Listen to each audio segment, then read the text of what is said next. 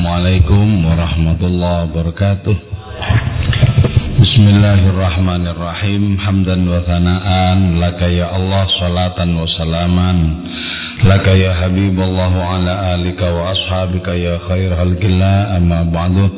Laka ya Rasulullah wa li jami'i man itaba'adinaka ya Habibullah. Haqiqatan min ladun Adam la yamil qiyamah رضي الله لنا ولهم الفاتحة. أعوذ بالله من الشيطان الرجيم. بسم الله الرحمن الرحيم.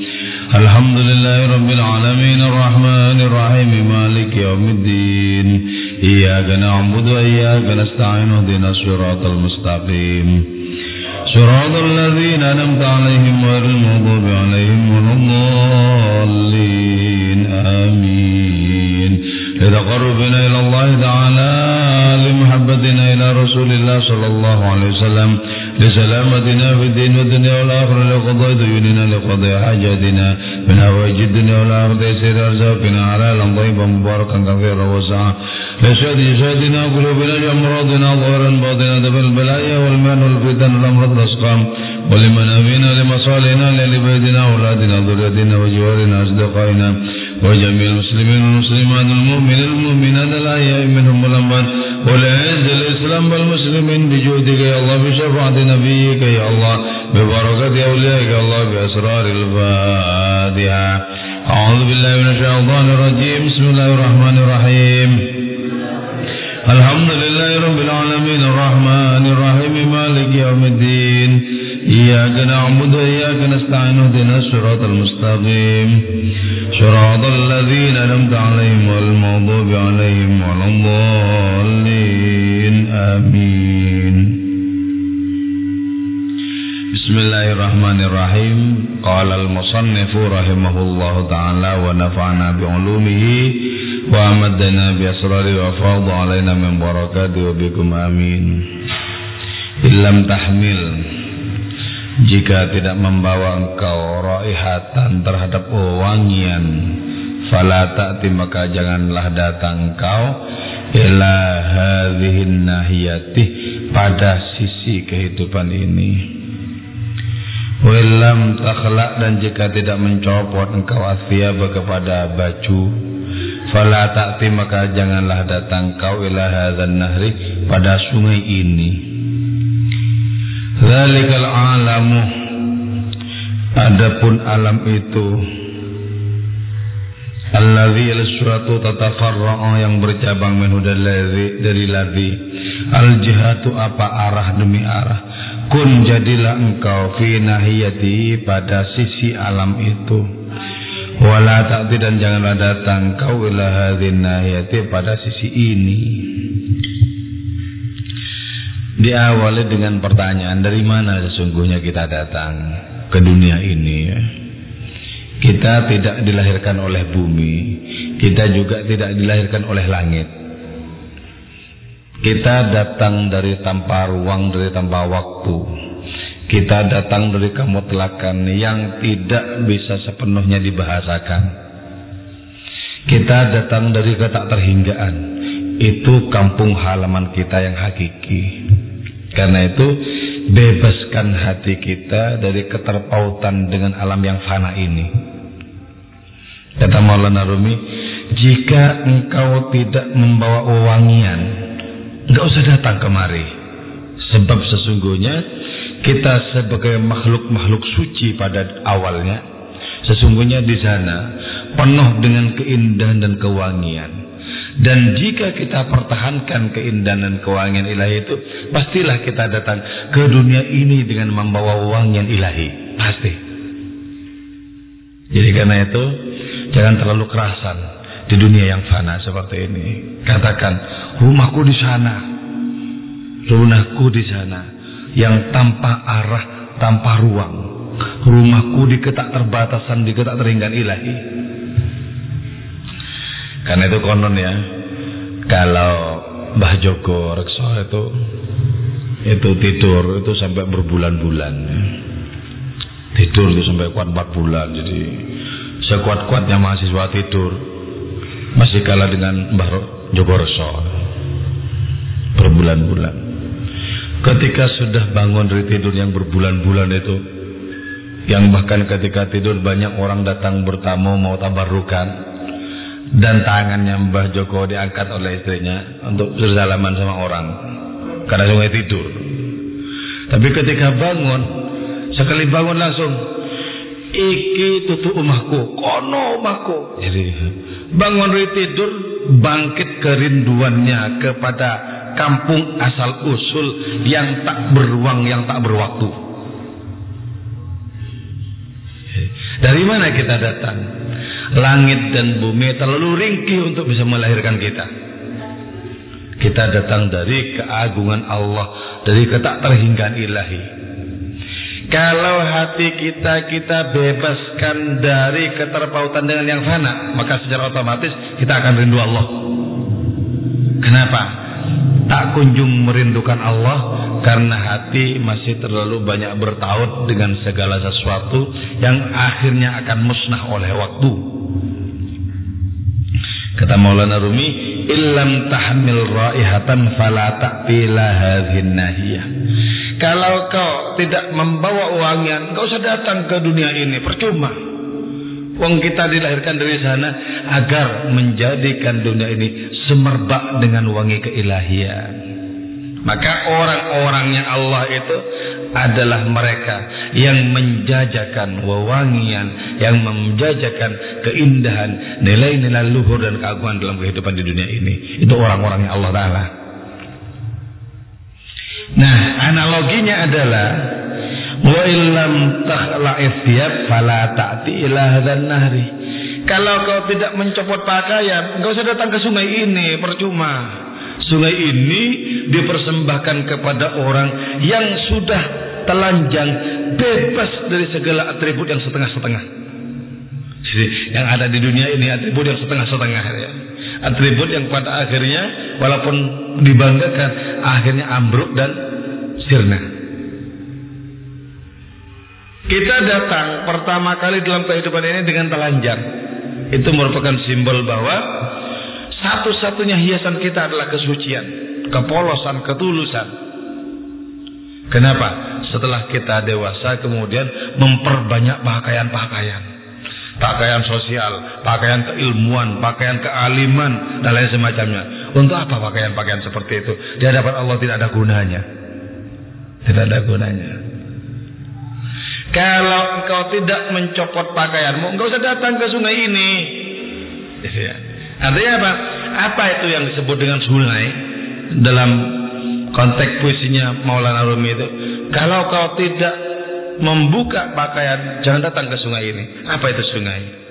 Yaitu tempat merendam diri untuk menemukan warna-warni ilahi. Sibghat Allah wa man ahsanu minallahi sibghah wa nahnu lahu abidun. Sibghat Allah warna-warni hasil celupan Allah. Ya. Allah itu maha perupa. Ketika jiwa-jiwa itu direndam oleh Allah Ta'ala di telaganya, jiwa-jiwa itu merasakan kenikmatan di hadapan Allah Ta'ala, maka ketika diangkat, muncul warna-warni yang beraneka ragam. Semuanya indah. Itulah sebabnya kenapa para nabi wataknya yang satu dengan yang lain berbeda-beda. Tapi indah semua para nabi itu.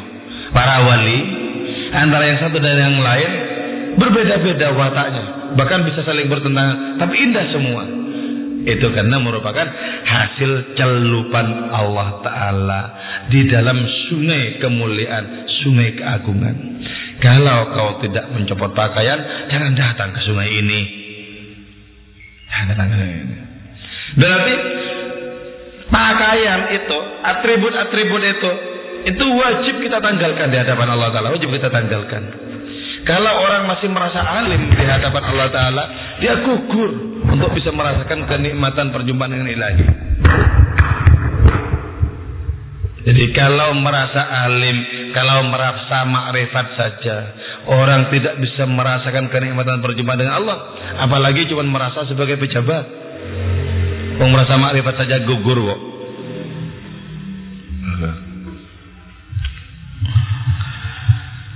Wa illam takhla'it thiyab fala ila nari. Zalikal alam. Dari mana kita? Dari alam itu. Alam yang seperti apa? Alam yang merupakan asal usul dari segala arah. Di dunia ini kita mengenal arah. Barat, timur, utara, selatan, atas, bawah, tenggara, dan lain semacamnya. Kita mengenal. Dari mana datangnya dunia yang dipenuhi dengan arah ini? Dari tanpa arah. Sama juga, dari mana kita datang? Dari tanpa arah. Karena kita datang dari tanpa arah, di saat kita memasuki dunia yang penuh dengan arah ini, bebaskan diri kita dari eksistensi. Eksistensi itu adalah simbol dari arah. Eksistensi itu adalah keterbatasan. Bebaskan diri kita dari adanya eksistensi, dari egoisme, dari keakuan. Maka kita akan memasuki dunia yang tanpa arah kembali. Siapakah seorang syekh? Yaitu dia yang sudah merdeka dari eksistensi dirinya. Ya. Ada seorang sufi ditanya, ya, bagaimana syekh? Engkau bisa menggagas perjalanan rohani kepada Allah, engkau bisa menempuhnya. Bagaimana? Kenapa kau bertanya kepadaku? Sesungguhnya aku tidak pernah betul-betul menggagas perjalanan rohani ini. Tidak. Ketika aku berjalan, hilang diriku sebagai aku. Aku digantikan oleh kemahaan. Yang dengan kecintaanku kepadanya, kusebut dia sebagai apa saja. Lenyap ya. Karena itu ada seorang sufi juga setiap kali ceramah itu dia bilang, tolong ya dicatat nanti apa kata-kata saya. Lah, bukankah asal usul ilmu itu dari jenengan kok dicatat? Sungguh aku sudah terbebaskan dari diriku sendiri ketika itu. Aku diperankan, bukan memerankan. Karena itu sering kali aku lupa sudah apa yang sudah kukatakan. Masuk dalam dunia kebodohan yang sangat mutlak. Jadi ketika kebodohan itu mencapai kemutlakannya, maka dia akan menjadi keanggunan dari ilmu-ilmu ilahi. Ya, jadi ada kebodohan yang terpuji ya. Kebodohan yang terpuji yaitu ketika setiap ilmu dirasakan sebagai ilmunya Allah. Dan orang itu tidak merasa memiliki satu konsep pun tentang ilmu pengetahuan. Nah kita dari alam sana ya, dari alam yang tanpa ruang, tanpa arah, tanpa waktu. Kita dari kita terhingga ilahi. Nah karena itu ketika Allah Ta'ala memanggil kita, istilah Maulana Rumi itu ketika Tuhan bersiul, kita ini adalah burung-burung yang secara sikap mesti mengepakkan sayap rohani kita dipanggil. Siulan ilahi sudah dari dulu, dari zaman hari Alastu diperdengarkan kepada kita. Maka kita kalau betul-betul merupakan burung yang tangkas dan tidak lupa alamat untuk kembali, kepakkanlah sayap cinta dan ketulusan untuk menembus ruang terbatas ini, untuk menembus hutan kefanaan ini.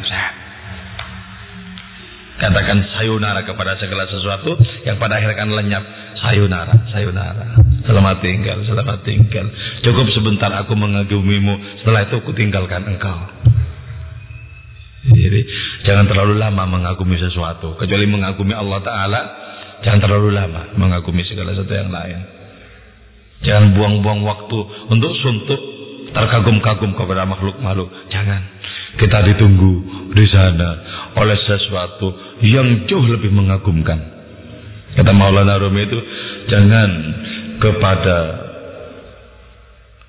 sembarang wajah kau tatap sebab wajah yang di sana, mata yang di sana sangat pencemburu.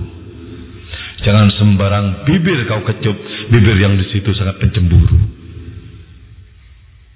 Ya, ini sesungguhnya perkara sepele ketika Allah Taala menganugerahkan kepada kita kekuatan kekuatan cinta sepele untuk meninggalkan semesta ini sepele. Ada seorang darwis, seorang sufi pengelana. Di siang hari ketika lelah dalam perjalanannya, pengembaraannya terhenti di depan kedainya Syekh Fardudin Atar. Mencium wangian dari kedai itu, si Sufi ini teringat kampung halamannya yang hakiki, yang tanpa ruang, tanpa waktu, tanpa arah itu. Menangis si Sufi ini. Kerinduannya membuncah. Menangis. Atar salah sangka. Syekhuddin Atar kemudian mengatakan, kalau hanya untuk mengharapkan receh, nggak usah pura-pura menangis di depan kedaiku katanya. Apa kau bilang Atar katanya kan? Ini langsung tahu siapa namanya orang itu. Apa kau? Apa kau bilang Atar? Aku menangis tidak mengharapkan apa pun dari dunia ini. Bahkan sudah dari dulu aku siap meninggalkan semesta ini. Tapi lihatlah dirimu Atar. Yang hatimu masih terpaut dengan berbagai macam hal yang fana di dunia ini. Coba lihat dirimu. Ya. Setelah mengatakan seperti ini, mati beneran si Sufi ini. Klut mati beneran. Terpukul Faridin Atar. Berarti Sufi ini sudah membuktikan keberaniannya. Dari dulu sudah aku siap meninggalkan dunia yang fana ini. Mati beneran. Nah sejak itu, sejak merasa terpukul itu, langsung tekun di jalan kerohanian Syaikhul Atar. Tekun jalan kerohanian menghapus masa silamnya yang kelam menghapus kecintaannya kepada harta benda kepada segala sesuatu yang selain Allah Ta'ala dihapus dengan pertobatan demi pertobatan akhirnya apa? akhirnya bisa membubung ke langit demi langit keabadian Atar mencapai langit rohani tertinggi dengan cara merangkak kata Maulana Rumi itu dengan cara merangkak perlahan-lahan perlahan-lahan perlahan-lahan khawatir dosa-dosa masa silamnya terulangi lagi sampai akhirnya di puncak kerohanian. Dan aku mencapai puncak rohani itu dengan mengepakkan kedua sayapku sebagai menara Wali. Tinggalkan. Kun fi nahiyati karena itu. Jadi langkah finati berada di sisi alam sana, bukan yang di sini. Betapa beruntung orang yang sudah mempersiapkan jauh-jauh hari sebelum datangnya kematian. Beruntung. Beruntung orang yang sudah melepas keterikatan dengan apa pun yang lain di dunia yang ini. Beruntung. Itu yang oleh Nabi diserukan mutu qoblal mauti. Matilah engkau sebelum kematian. Sebelum ajal matilah engkau. Mati dari segala damba kepada yang lain. Man arada ayyanzura ila mayyitin yamshi ala wajhil ardi falyanzur ila Abi Bakr Siddiq radhiyallahu an. Itu sabda Nabi. Siapa di antara kalian ingin melihat mayat yang berjalan di muka bumi, pandanglah Bukar Siddiq itu. Berjalan. Jadi mati itu sudah. Mati dari segala damba kepada yang lain. Sudah mati. Mati. Hasratnya itu Allah Ta'ala semata-mata. Mati. Nah orang seperti itu. Orang paling merdeka orang seperti itu. Paling merdeka. Orang seperti itu berjalan sendiri di mana-mana, merasa aman. Orang seperti itu mau tidur di masjid, mau tidur di trotoar, merasa aman.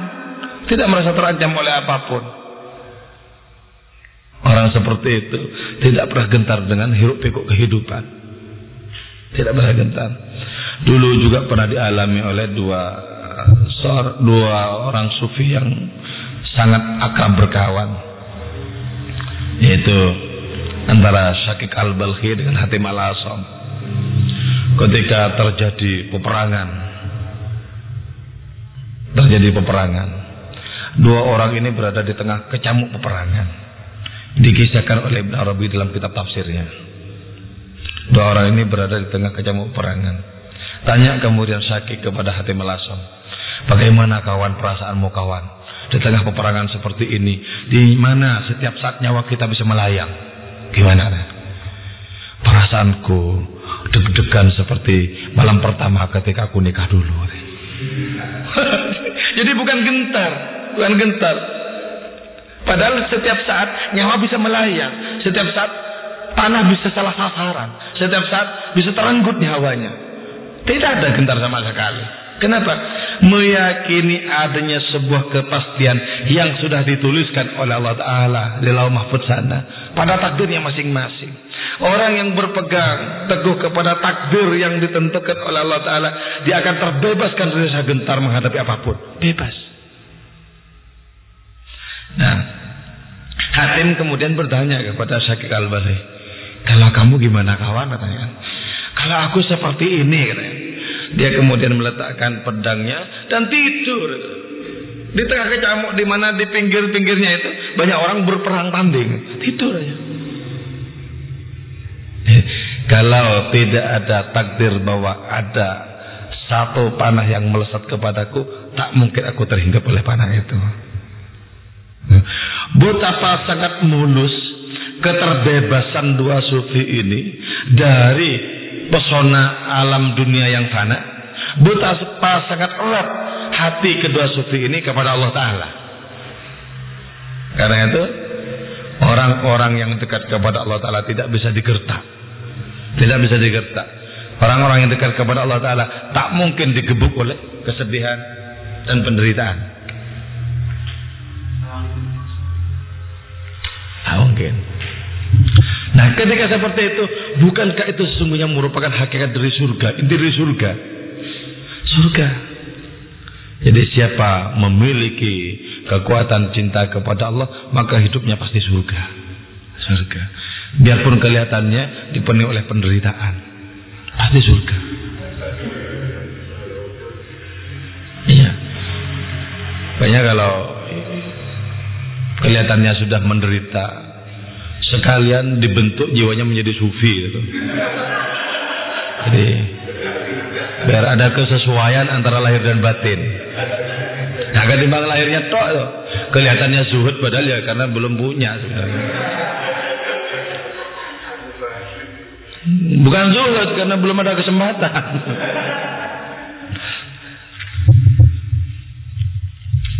Wala ta'ti ila hadinaya. Kun nahiyati. Bermukimlah engkau di sana. Artinya apa? Biar hanya jasad kita yang di dunia yang fana ini. Jasad kita. Roh kita. Taruh di sana. Di alam keabadian. Yang senantiasa berhadapan-hadapan dengan Allah Ta'ala. Cukup jasad kita yang ditaruh di bumi ini. Kita berdesak-desakan, mengadu nasib sebagaimana orang lain. Kita bisa datang ke pasar tawar menawar sebagaimana orang lain. Kita rewang tetangga sebagaimana orang lain. Tapi jangan, jangan di situ pula roh kita berada. Para nabi juga datang ke pasar. Yamshuna fil aswak. Mereka berjalan-jalan di pasar-pasar rasa Sesungguhnya jiwa mereka itu senantiasa berhadapan-hadapan dengan Allah karena sudah dari dulu direbut oleh Allah Taala itu sendiri.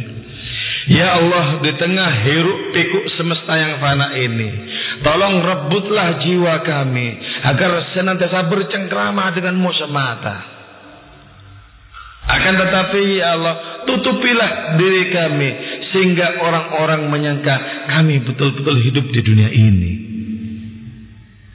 ini makanya banyak kalau zaman dulu para wali yang nyamar itu banyak sekali. Para wali nyamar nggak ketahuan sebagai wali kecuali orang yang betul-betul tajam penglihatannya baru tahu itu wali Allah. Nyamar. Ada yang pura-pura menjadi orang gila. Ada yang pura-pura kata-katanya kata-kata orang jahat. Pakaiannya pakaian orang jahat.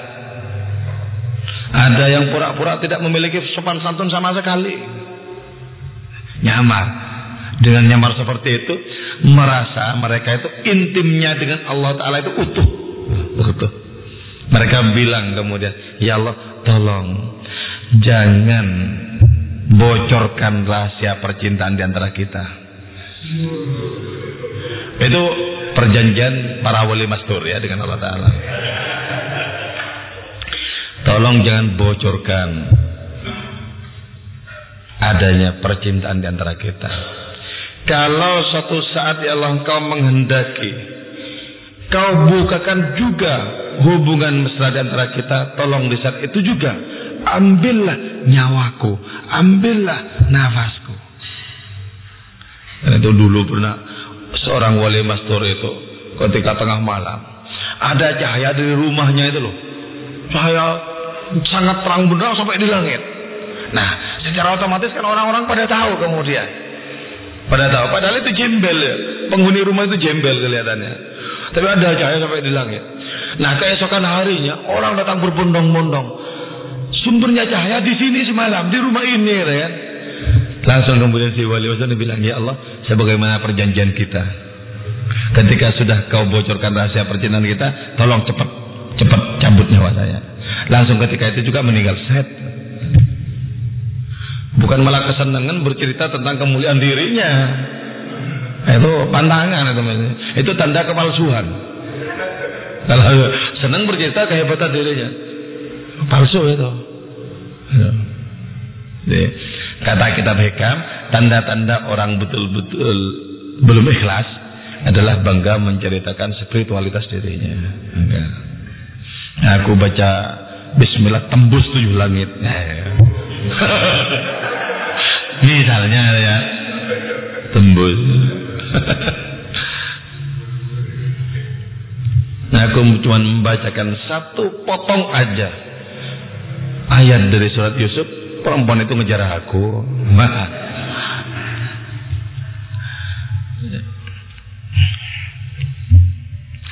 Maulaya, Maulaya, Maulaya, wahai Tuhanku, wahai Tuhanku, Anata ibu mimma salafa, ananda pun aku ibu ialah orang yang bertobat mimma dari dosa salafa yang telah berlalu itu ma.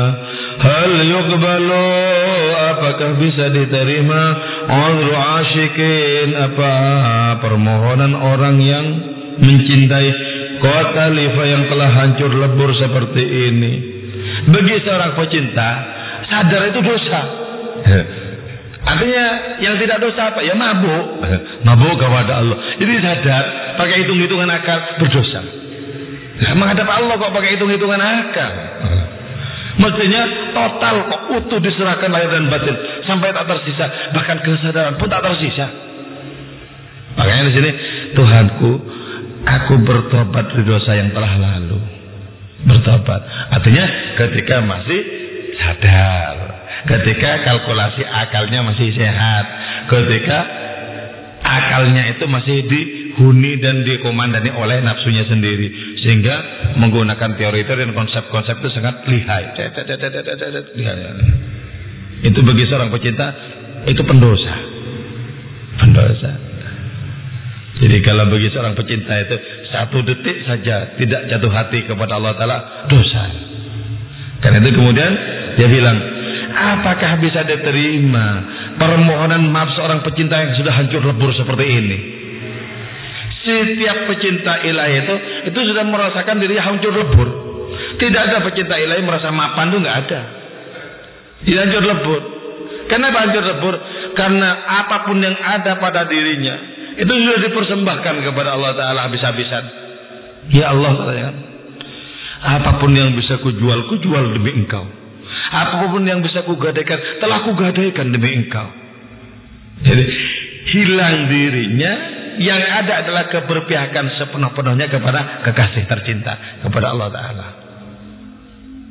Maka pertama-tama biasanya ya, kalau orang mau kambuh di jalan Allah, cintanya itu pertama-tama, orang ini menjadi semakin kurang tidur di malam hari. Terus setelah itu dibarengi dengan rasa kegelisahan yang tidak tahu sumbernya apa. Punya hutang nggak punya hutang. Jadi punya sakit, komplikasi nggak ada. Jadi tidak tidur, banyak tidak tidur dan gelisah. Gelisah, nggak tahu apa yang digelisahkan. Hatinya selalu saja berdebar-debar, rindu, tapi belum bisa. Belum bisa untuk memastikan rindu ini kepada siapa, cinta ini kepada siapa belum. Itu orang-orang mau kambuh di jalan rohani itu. Orang mau kambuh. Hingga pada akhirnya pada akhirnya orang ini dengan karunia cinta Allah bisa memastikan Allah engkau satu-satunya kiblat cintaku. Sudah tidak ada yang lain. Hatiku tak tersisa untuk yang lain-lain. Ya kan? Sudah habis hatiku. Kuserahkan kepadamu kembali. Ya. Jadi, jadi kalau masih banyak tidur itu tandanya masih jauh. banyak tidur. Matahari terbenam, matanya terbenam. Baru ketika matahari terbit, matanya terbit kembali.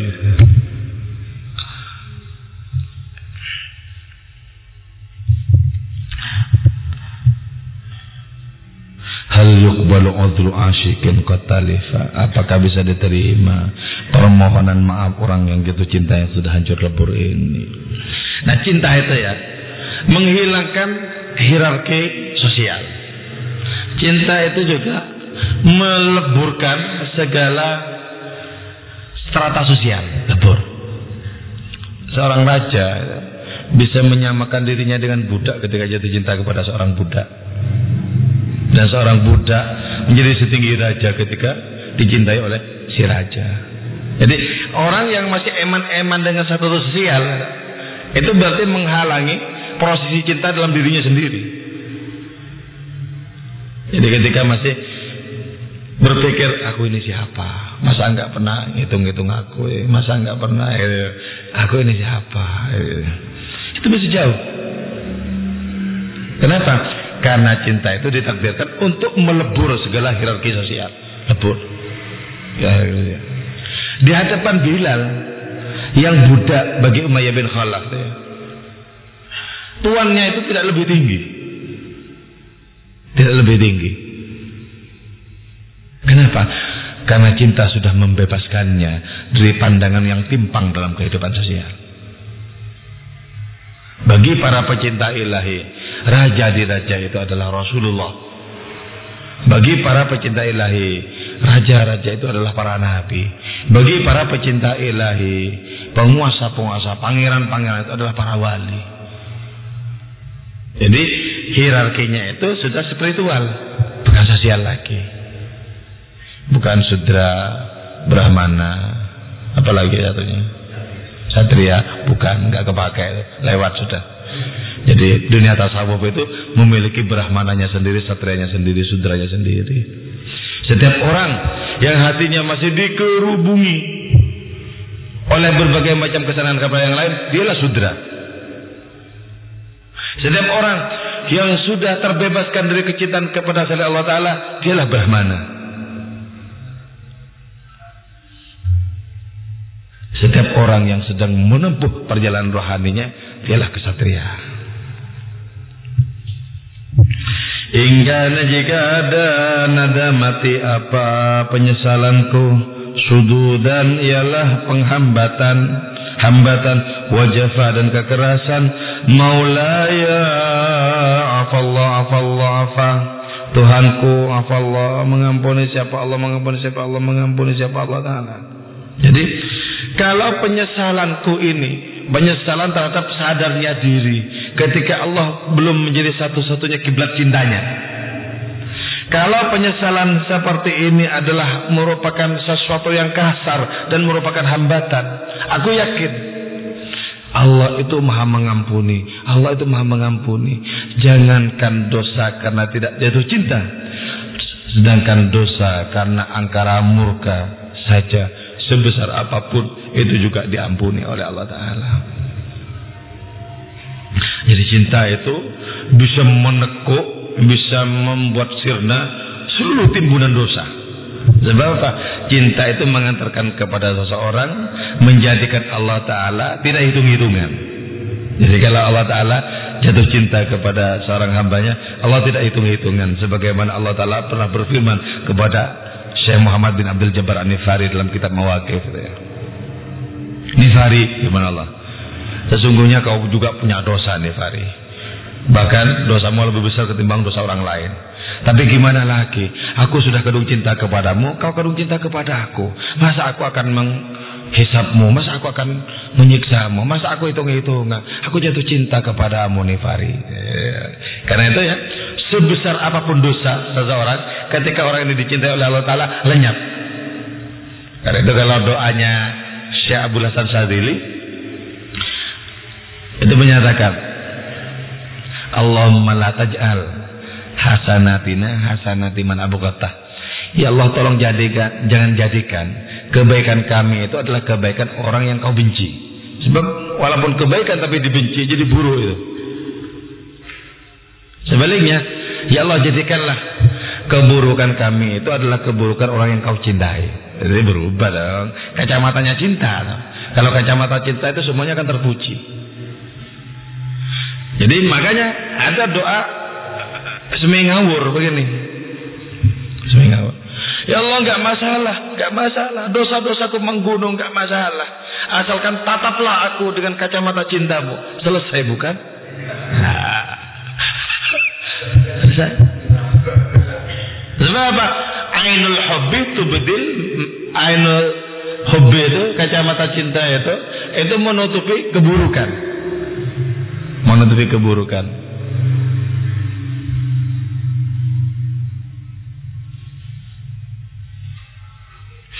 Ma adyaba betapa harum ma'aladha betapa lazat ma'ahlana betapa manis kami. Kunna ada kami muhajan ialah ruh walam nakun dan tidak ada kami abdanan ialah badan. Jadi ketika orang hidupnya sepenuhnya dipandu oleh ruh oh betapa harum betapa lezat betapa manis kalau dipandu oleh ruh di saat itu orang ini akan mengatakan kami ini adalah ruh, kami ini sama sekali bukan badan. Badan itu belajar kepada ruh. Ketika orang turun dari masjid dan hatinya sudah kenal, eh, kakinya sudah kenal di mana sandalnya, sehingga ketika maka yang lain mengatakan ini bukan karena sudah kenal.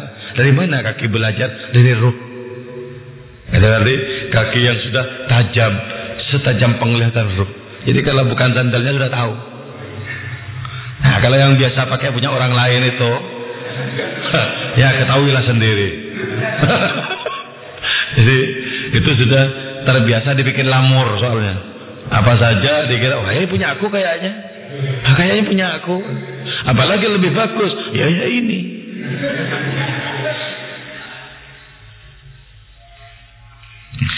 Nah, berarti dengan demikian ada dua dimensi kenikmatan ya.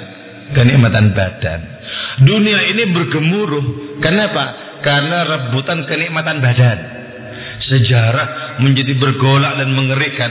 Itu rata-rata karena rebutan makanan badan. Rebutan nasibnya badan. Dunia ini. Coba, pertikaian pertama kali yang menyebabkan pembunuhan, kematian, itu karena badan. Habil dan Qabil perkara badan. Jadi, dunia ini bisa bergemuruh, bahkan bisa mengalami kemajuan. Itu karena hasrat-hasrat badan. Hasrat badan. Kalau hasrat-hasrat itu senyap, tapi penuh dengan keindahan. Penuh keindahan. Ada seorang sufi yang mengatakan, kalau dunia ini dihuni oleh kebanyakan orang sufi, maka akan tentram, akan indah, akan menjadi sangat mengagumkan. Ada seorang intelektual, seorang ilmuwan menanggapi, kenapa kok berkata seperti itu? Kenapa kok tidak bilang, andaikan dunia ini dihuni oleh kebanyakan ilmuwan, maka akan mengalami kemajuan. Jangankan kata si Sufi itu dihuni oleh kebanyakan ilmuwan. 10% saja ilmuwan yang sudah ambruk dunianya ini. Bro, kenapa? Karena ilmu pengetahuan itu akalnya itu rasionalitasnya itu dibekingi oleh nafsu oleh syahwat untuk menguasai untuk mengeruk habis-habisan. Apa yang dikandung oleh bumi. Jadi nggak bisa dipercayakan. Nggak bisa dipercayakan kepada badan badan ini mestinya menjadi makmum bagi roh kita. Roh kita di depan, badan kita akan mengikuti roh kita. Itu yang terbaik. Jangan sampai kebalik. Roh kita itu tak berdaya terkapar, sementara badan kita menjadi penguasa. Datang kemudian malapetaka dan kehancuran. Kepada orang-orang yang nasibnya cuma badan itulah kemudian kiamat ditimpakan oleh Allah Ta'ala. Timpakan. Selama masih ada orang-orang roh, maka kiamat akan ditunda. Tapi semakin hari, orang semakin mencintai daging-daging. Semakin hari orang semakin tidak cinta kepada ruh kesucian mereka sendiri. Coba saksikan baik-baik. Dunia ini mengalami proses proses pemusnahan. Gemuruh pemusnahan. Ada sedikit orang yang melawan, tapi di sebelah sana bagian yang lain ada yang terus memproses untuk memusnahkan. Oh, gitu. Tapi akan senantiasa kalah kebaikan nanti ini. Senantiasa kalah. Kenapa? Kalau kebaikan gak kalah-kalah, kiamat gak datang-datang. Dan itu menyalai firman Allah. Jadi kiamat itu harus ada. Karena itu orang-orang yang peka, orang yang tajam batinnya itu menyaksikan proses-proses pembusukan ini bergetar juga batinnya. Allah Allah, ini skenario-mu yang tidak sepenuhnya bisa aku mengerti. Sebagaimana kau ajari aku bertanya, aku pun bertanya. Mada aradallah bihadza mathala? Apa mana kehendakmu ya Allah dengan semua kejadian seperti ini? Di sini Allah menjadi maha tidak dimengerti. Menjadi tidak menjadi maha tidak dimengerti sepenuh-penuhnya. Seluruh kata-kata, bahkan orang paling bijak sekalipun bungkam di hadapannya. Sehingga ilmu pengetahuan dan kebodohan sama saja, sama-sama tidak bisa menembus Allah Ta'ala. إن شاء بنا كرامة مولانا يعفو ويعيدنا كما أبدانا إن شاء jika berkehendak bina kepada kami karamatan terhadap kemuliaan hailnya siapa maulana Tuhan kita Yafu maka memaafkan itu maulana wa yu'idu dan mengembalikan maulana kepada kita kama abda sebagaimana memulai itu maulana nah terhadap kita jadi kalau Allah Ta'ala berkehendak memuliakan kita, pasti kita ini diampuni. Tapi ya, ini rahasianya. Kenapa para nabi, para wali itu takut kepada Allah?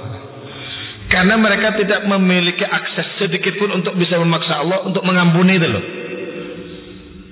Kalau kita kan cuman yakin-yakinnya kita sendiri lah diampuni gitu ya. Walaupun tidak ada kepastian sebenarnya. Ah, diampuni masa enggak. Jadi, jadi terlampau berbaik sangka. Padahal para nabi itu orang-orang suci itu justru sangat takut. Kenapa? Kehendak Allah Taala itu tidak memerlukan alasan. Tidak memerlukan alasan. Tindakannya juga tidak memerlukan alasan. Ya, Nabi itu paling cinta kepada Allah, tapi juga paling takut. Anak aksyakum. Aku paling takut kepada Allah di antara kalian. Takut. Nah, nanti kalau dikehendaki begini, dikehendaki begini, gini, gimana? Ya, takut. Nabi itu ngelihat angin kencang saja, mukanya itu merah padam, ketakutan. Bukan takut sampai angin. Bukan tapi yang terpandang itu apa? Kemahaan Allah Ta'ala yang ketika menghendaki apa pun tidak bisa dibendung oleh siapa pun. Jadi kalau hubungan dengan Allah Ta'ala itu baik, justru makin dekat makin takut loh ya. Beda dengan hubungan dengan sesama manusia. Kalau semakin dekat makin manja. Ya, makin sembrono juga bisa. Betapa banyak istri-istri yang tidak menganggap suaminya itu sebagai gurunya, sebagai imam. Enggak. Ya siapa? Kawanku ini. Dikira kawan hanya karena tidur bersama. Eh, padahal itu sesungguhnya pemimpinnya, imamnya sebenarnya. Betapa banyak anak-anak kita ajak gocekan. Nanti sembrono juga itu. Nari-nari telinga semacamnya. Sembrono. Tapi kalau hubungan dengan Allah Ta'ala tidak. Makin akrab dengan Allah justru makin takut. Makin takut. Padahal ya tidak ada satupun di antara sahabat Nabi menyaksikan yang kencang itu kemudian merasa takut. Tidak ada. Abu Bakar Siddiq katakanlah ya. Pentolan sahabat yang paling utama. Tidak juga tidak merasa takut menyaksikan angin kencang, enggak juga. Dan itu jangan dikatakan bahwa Abu Bakar Siddiq lebih tinggi karena tidak takut terhadap apa pun, bukan. Jadi makanya tetap tetap tetap istighfar. Istighfar astagfirullah, astagfirullah. Padahal ya sudah kekasih, tetap astagfirullahaladzim, astagfirullah. Apalagi kita yang sebagai hambanya ini ya, itu pengakuan sebelah pihak ya, nah. ya, kalau diminta sumbangan nyumbang seribu dari hamba Allah. Nah. itu kan sebenarnya ya ya ya semoga jadi hamba gitu kan enggak betul. Mana siapa yang jamin? Kalau Rasulullah memang Allah yang jamin sebagai hambanya kan? Subhanallah asra bi abdi. Jelas Allah yang menyatakan itu kalau kita kan tidak ada teks satupun, tidak ada dalil satupun bahwa kita ini hamba Allah, yang Allah sendiri menyebut kita sebagai hambanya, nggak ada, nggak ada. Cuma ya percaya itu aja lah percaya. Masa nggak hamba Allah yang sering datang ke masjid kok. Gitu.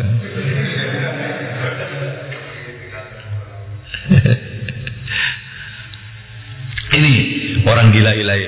Durtu berputar aku fil laili di malam hari haulal madinah di sekitar kota mithla rai sebagaimana angin wal ma dan air. Ya. jadi kalau orang ya orang sudah jatuh cinta kepada Allah taala ketika datang malam itu mulai gelisah. Gelisah yang sangat nikmat. Jadi ada penyakit yang ketika orang terkena penyakit tidak mau sembuh. Itu penyakit cinta. Jadi ketika malam itu kambuh. Kambuh sebagaimana jatuh hati kepada perempuan dan perempuan itu berada di tempat yang jauh makin malam makin jelas bayang-bayang wajahnya itu Naam sarataifu man ahwa fa'arraqani. Ya betul melintas bayang-bayang orang yang kucintai. Maka aku kemudian tidak bisa tidur sepanjang malam itu. Makin kambuh. Jadi karena itu malam itu adalah waktu yang spesifik untuk orang-orang yang jatuh cinta kepada Allah Ta'ala maupun yang jatuh cinta kepada manusia yang apalagi cintanya masih belum bisa diterima.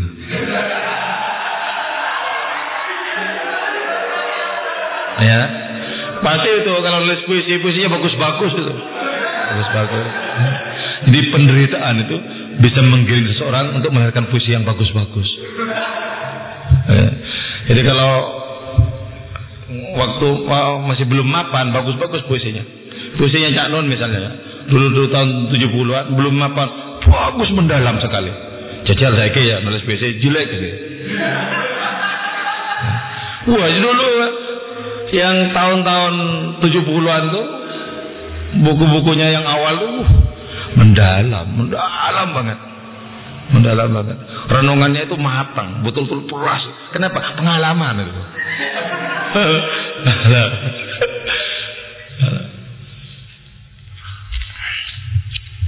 Jadi ini ya, dur tuh. Berputar aku fil di malam hari haulal madin sekitar kota putar. Jadi tidak punya alasan untuk tidur di malam hari. Tidak juga ada suasana yang mengajak untuk tidur di malam hari. Gelisah. Allah Allah Allah makin purna. Jadi malam itu adalah suasana yang sangat mendebarkan di mana segala sesuatu bisa menjadi sarana. Disampaikanlah salamnya untuk kekasih itu kepada bulan-bulan tolong sampaikan salamku ke sana ya. Sebagaimana kekasihku di sana memandangmu, aku pun juga memandangmu. Engkau pula yang dulu pernah dipandang oleh Kais dan Laila di waktu itu. Ya. Menjadi jadi kalau nulis itu nggak ada batasnya nanti. Ayah ahadun bin naumi. Apakah beruntung adun seorang bin naumi dengan tidur? Minat dauran dari perputaran halal Madinah sekitar kota. Apa ada Orang yang tidur itu beruntung. Ya, paling beruntungnya orang tidur itu ya bangun-bangun seger itu aja. Tapi kalau ada pembagian rokok nggak bisa orang tidur nggak bisa ngerokok. Pembagian uang nggak bisa. yang bangun-bangun itu tuh yang karena ya saya kau ya niam saya pernah ya pernah mau berangkat ke Jogja lama sekali nunggu bis itu ya di perenduan di Madura Lama sekali. Karena di malam hari semakin jarang bisnya yang mau berangkat itu. Yang jarang. Ketika menunggu bis itu ada orang baca tarhim. Jadi sekitar jam-jam setengah tiga, jam tiga itu orang-orang orang baca tarhim. Mungkin di musola, mungkin di masjid. Salah satu kalimatnya saya tersinggung betul tersinggung. Ayaqadhu ya Bangunlah wahai orang-orang yang tidur Fa inna rabbakum la yanam. Karena sungguhnya Tuhan mau tidak pernah tidur.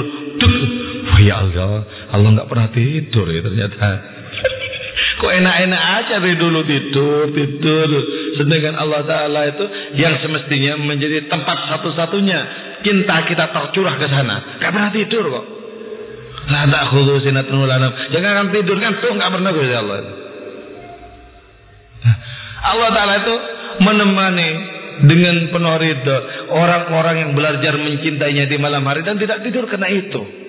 Ditemani sama Gusti Allah. Sehingga orang ini lambat laun bisa merasakan engkau kaya ilahi yang telah menemaniku tidak tidur di malam hari ini.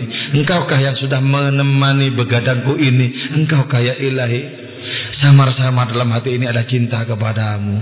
Tolong dipertegas tolong dipertegas agar aku menjadi pangeran dalam kehidupan di dunia ini dan di akhirat nanti Orang-orang mungkin melihatku sebagai jembel. Tetaplah baik-baik. Aku bukan jembel, aku pangeran rohani. Kalau masih belum jelas bahwa aku pangeran rohani, coba kucek sekali lagi matamu. Jadi muncul kalimat-kalimat seperti itu kemudian berputar tadi. Karena itu tinggal dirubah saja. Yang biasa tidak tidur main kartu tinggal dirubah saja. Jadi tinggal merenung. Jadi kartunya tinggalkan, merenung. Nah, nanti kalau mau tidur lagi kartu lagi.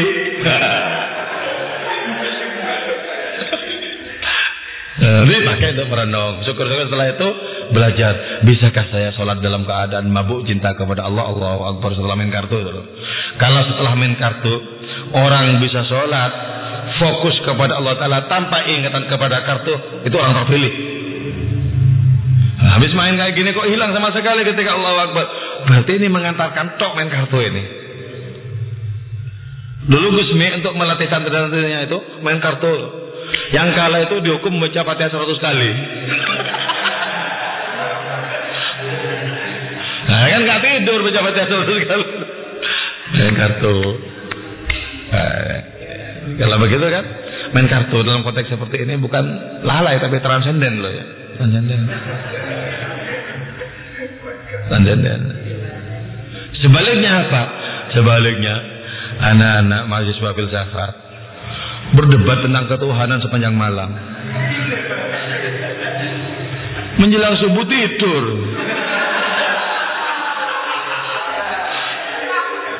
Tidur. Nah, itu yang bikin malaikat jadi terheran-heran. Maksudmu apa?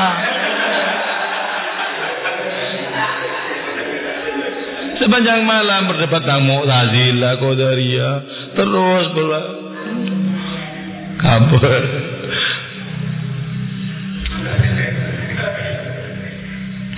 Al-akluh, coba akal ini ya. Di mana posisi akal bagi para pecinta? Al-akluh walladhi yabhatanil asya' fi mawadiha. Akal adalah potensi yang bisa membahas berbagai macam persoalan pada posisinya masing-masing. Maka ini kayak gini, ini kayak gini, kayak gini. Sebentar kalau ini begini, paradigmanya begini, persepsinya begini, wah lengkap.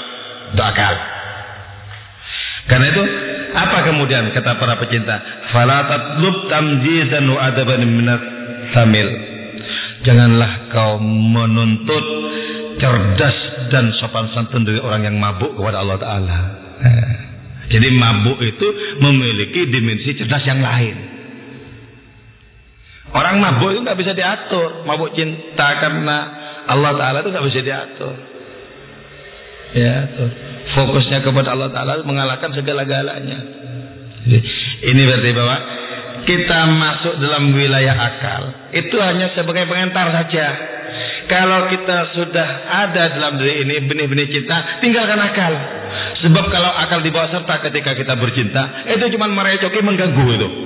Mengganggu. Coba ya, sama istri mau bercinta. Kok masih membahas teori-teori percintaan? Mengganggu itu. Ya.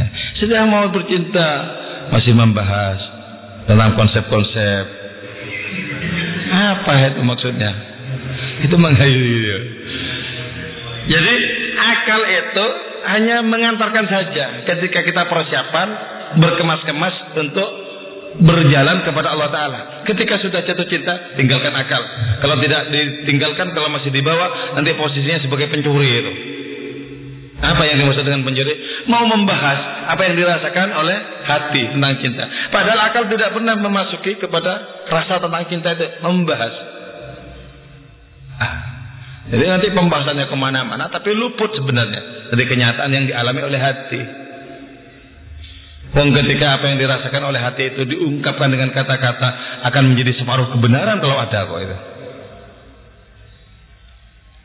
Ya, ada yang tak terkatakan apa itu nikmat perasaan cinta dan lainnya tidak terkatakan.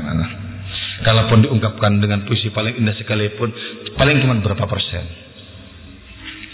Saya tidak yakin bahwa apa yang dialami oleh Subagio setelah Wadoyo itu tidak yakin bahwa betul-betul bisa di backup oleh puisinya walaupun beliau adalah penyair yang tangguh Indonesia ya. Kuletakkan kepalaku di dada Muaida katanya. Degup jantungmu berdetak tidak hanya pada saat ini, tapi sudah ribuan tahun yang lalu ketika ombak menjilat pantai di hening surga. Resapkan rasa bahagia sampai berlinang air mata. Papa, papa, inikah yang dinamakan cinta.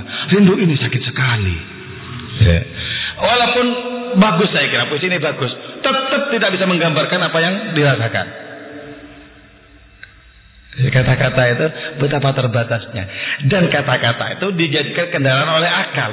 Bagaimana ini bisa membahas apa yang dialami oleh hati?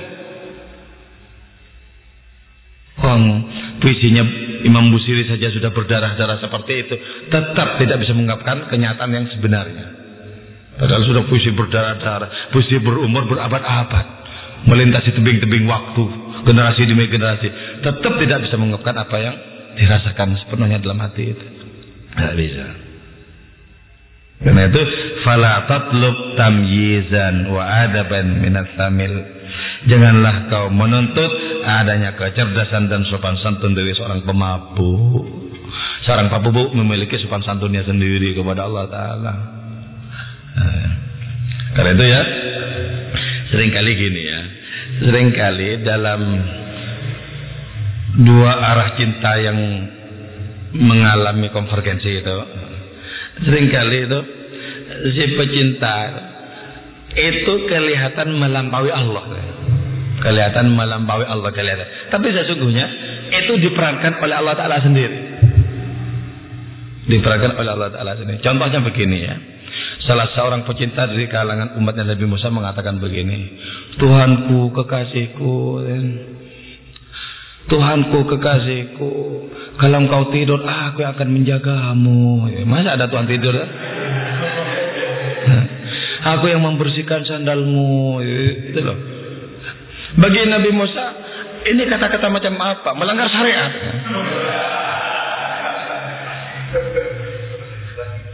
Ketika Nabi Musa menegur seperti itu, justru Nabi Musa dimarahi oleh Allah Taala. Biarkan itu, itu berbicara dengan bahasa cinta, bukan dengan logika syariat. Biarkan. Yang sesungguhnya kan sebenarnya orang ini kan diperankan oleh Allah Taala, diperankan oleh Allah Taala. Orang ini. Sampai mengatakan seperti itu, pasti juga diperankan. Diperankan. Nah, kalau seperti itu tadi ya, coba kalkulasi rasional macam apa yang bisa dipakai untuk membahas untuk mengukur dan lain semacamnya. Ada seorang pecinta ilahi juga mengatakan, Tuhanku, sesungguhnya aku tidak pernah minta kepadamu untuk diciptakan. Kenapa kau ciptakan pula aku? Kan kalau orang waras ini kan sebenarnya sangat tidak sopan. Wong sudah diciptakan, bu nikmati saja, diem aja, kenapa sih? Eh, ini malah begitu. Aku tidak pernah minta untuk ada. Kau ciptakan aku. Apa sebenarnya kehendakmu itu? Maumu itu apa? Kalau orang nggak paham, ini bisa dikatakan, oh itu menyalahkan Allah itu. Itu itu bukan hanya bid'ah itu. Itu di atasnya lagi. Kira-kira kira-kira kakaknya itu. Ya. Jadi tidak punya ukuran, tidak punya ukuran secara rasional. Ada ukurannya tersendiri. Hanya pecinta-pecinta itu yang bisa memahami. Karena mereka langsung merasakan. Oke ya, kita sudah membahas empat bait puisi Maulana Rumi ini. Ada yang mau ditanyakan sebelum ditutup? Ya, silakan. Ya.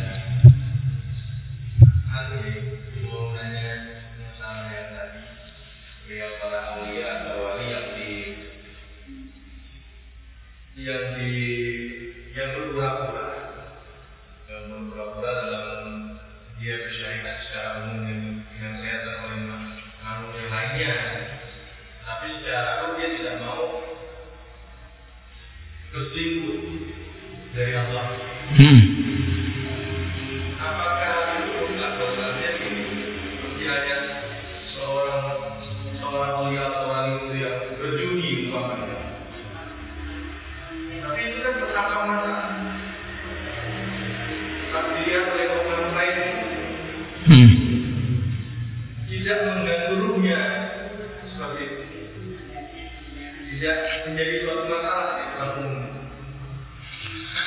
Kalau bagi dia sendiri ya enggak, sebab gugur penglihatannya kepada makhluk sudah.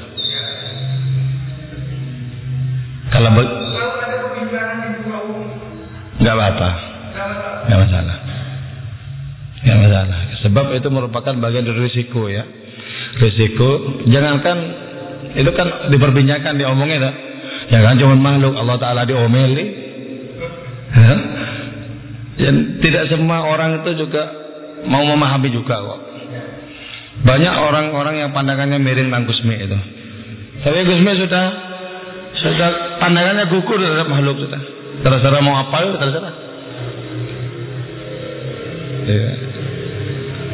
Jadi pasti tidak ada satupun di dunia ini orang yang bisa menyenangkan semua orang itu nggak ada. Nah, Nabi saja dicibir. Jadi jangan pernah punya semangat yang kuat untuk menyenangkan semua orang, nggak akan pernah bisa. Ya. Orang malaikat saja dimusuhi. Padahal tidak in- berinteraksi dengan manusia loh. Dimusuhi sama orang Yahudi itu. Iya. Ada lagi? Iya. Sudah. Ya.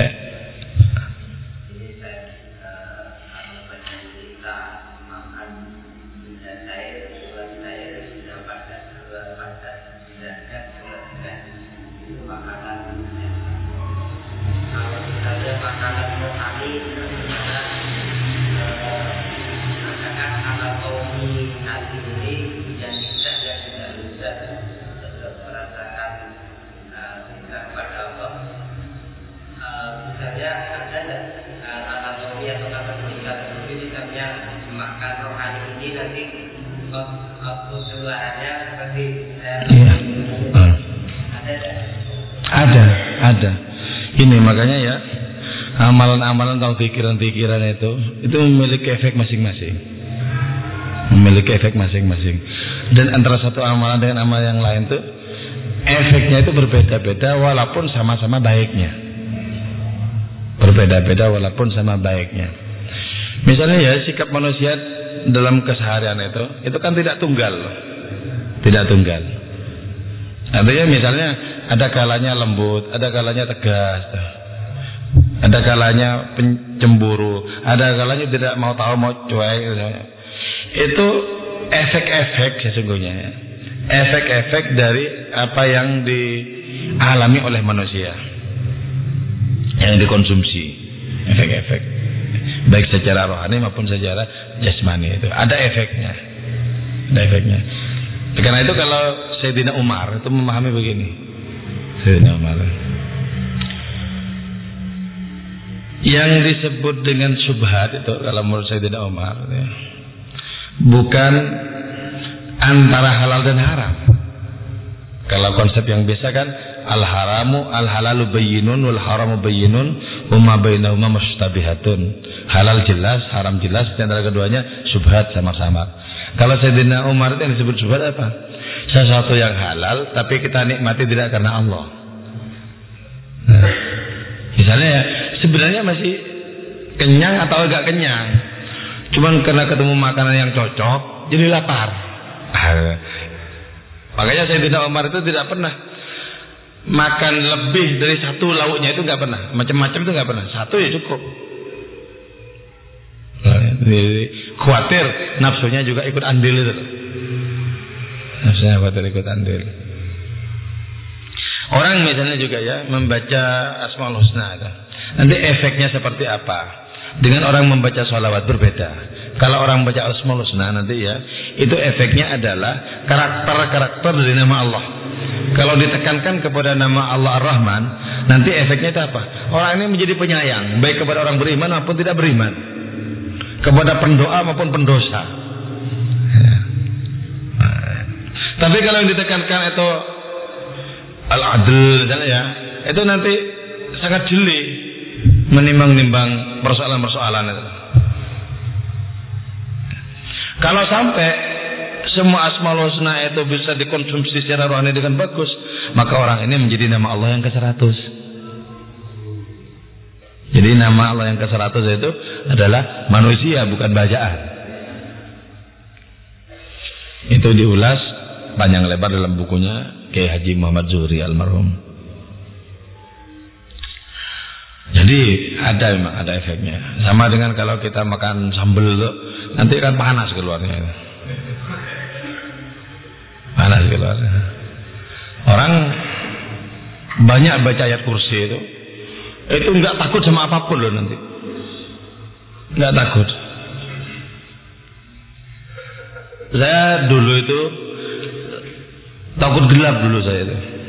Jadi kalau gelap itu ada perasaan hantu gitu loh, takut. Nah, waktu itu saya sudah membaca tafsir Asawi itu ya. Yang ada penjelasan tentang ayat kursi itu loh.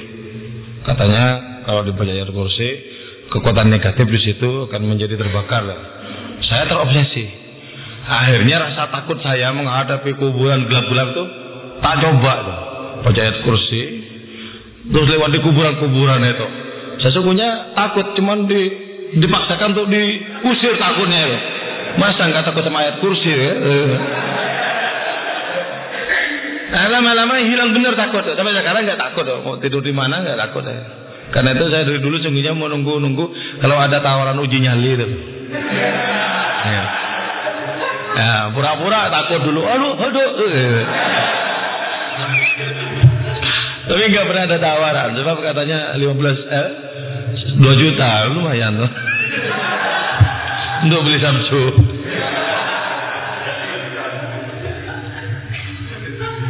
Enggak ada tawar. Sebab kalau yang ditawar itu yang memang takutnya lebih banyak itu beraninya itu ditawari. Jadi kalau kelihatan berani itu nggak jadi itu pasti nggak diambil itu. Sebab tidak ada nggak ada hiruk pikuknya nggak ada risaunya. Ya ada lagi siapa tadi? Ya, ya.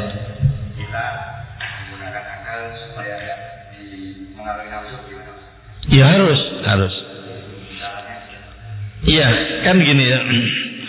Akal itu kan sungguhnya terang benderang ya, menjadikan hidup itu menjadi terang. Nah, sementara nafsu itu mau menggelapkan.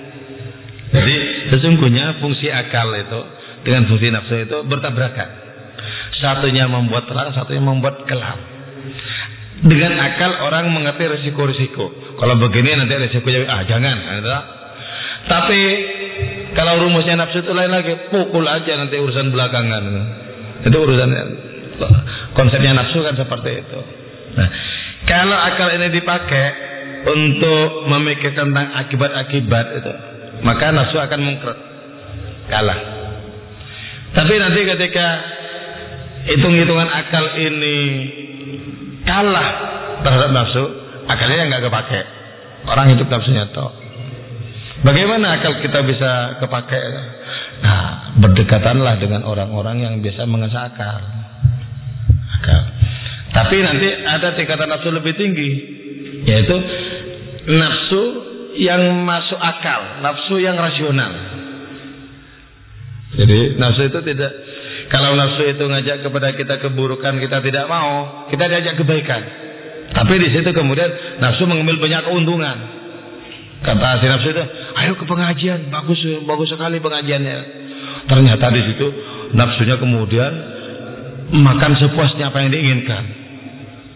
Nah sebenarnya kesenangan birahi dan lain semacamnya terlepas gitu kan. Makanya kata kita Buddha, kalau nafsu itu senang terhadap kebaikan, itu jangan dibiarkan. Lihat ada maunya apa itu coba. Oh nggak pernah ngaji kok kemudian tekun. Ada apa coba? Coba ada apa itu? Eh. Coba tahu karena ada pamri-pamri yang lain itu loh. Ada pamri yang lain. Saya ada pengajian tengah malam ya. Dulu pengajian tengah malam yang jam-jam dua itu. Ada orang nggak pernah ngaji ngaji kemudian. Ternyata di malam-malam itu ketika orang ini ikut ngaji, ada perempuan ikut ngaji juga. Oh, ini ini yang jadi penyebabnya. Ini bukan perkara ngajinya. ya. Coba masih sama saya kan. Pagi-pagi belum waktunya datang kampus itu loh. Ya mungkin kan ada sesuatu yang ingin bisa dinikmati. Tuh. Belum waktu masuknya jam 10, jam 8 datang. Itu juga maha menyesatkan?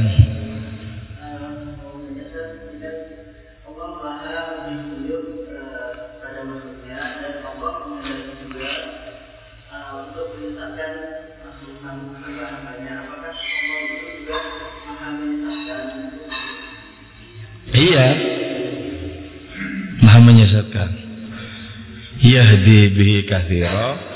Yudillu bihi kathira wa yahdi bihi kathira. Yudillu menyesatkan Allah bihi dengan Quran. Kathira terhadap kebanyakan orang. Wa yahdi dan memberikan petunjuk Allah bihi dengan Quran. Kathiran terhadap kebanyakan orang juga. Iya. Karena itu kita mohon perlindungan kepada Allah agar tidak termasuk bagian orang-orang yang disesatkan itu.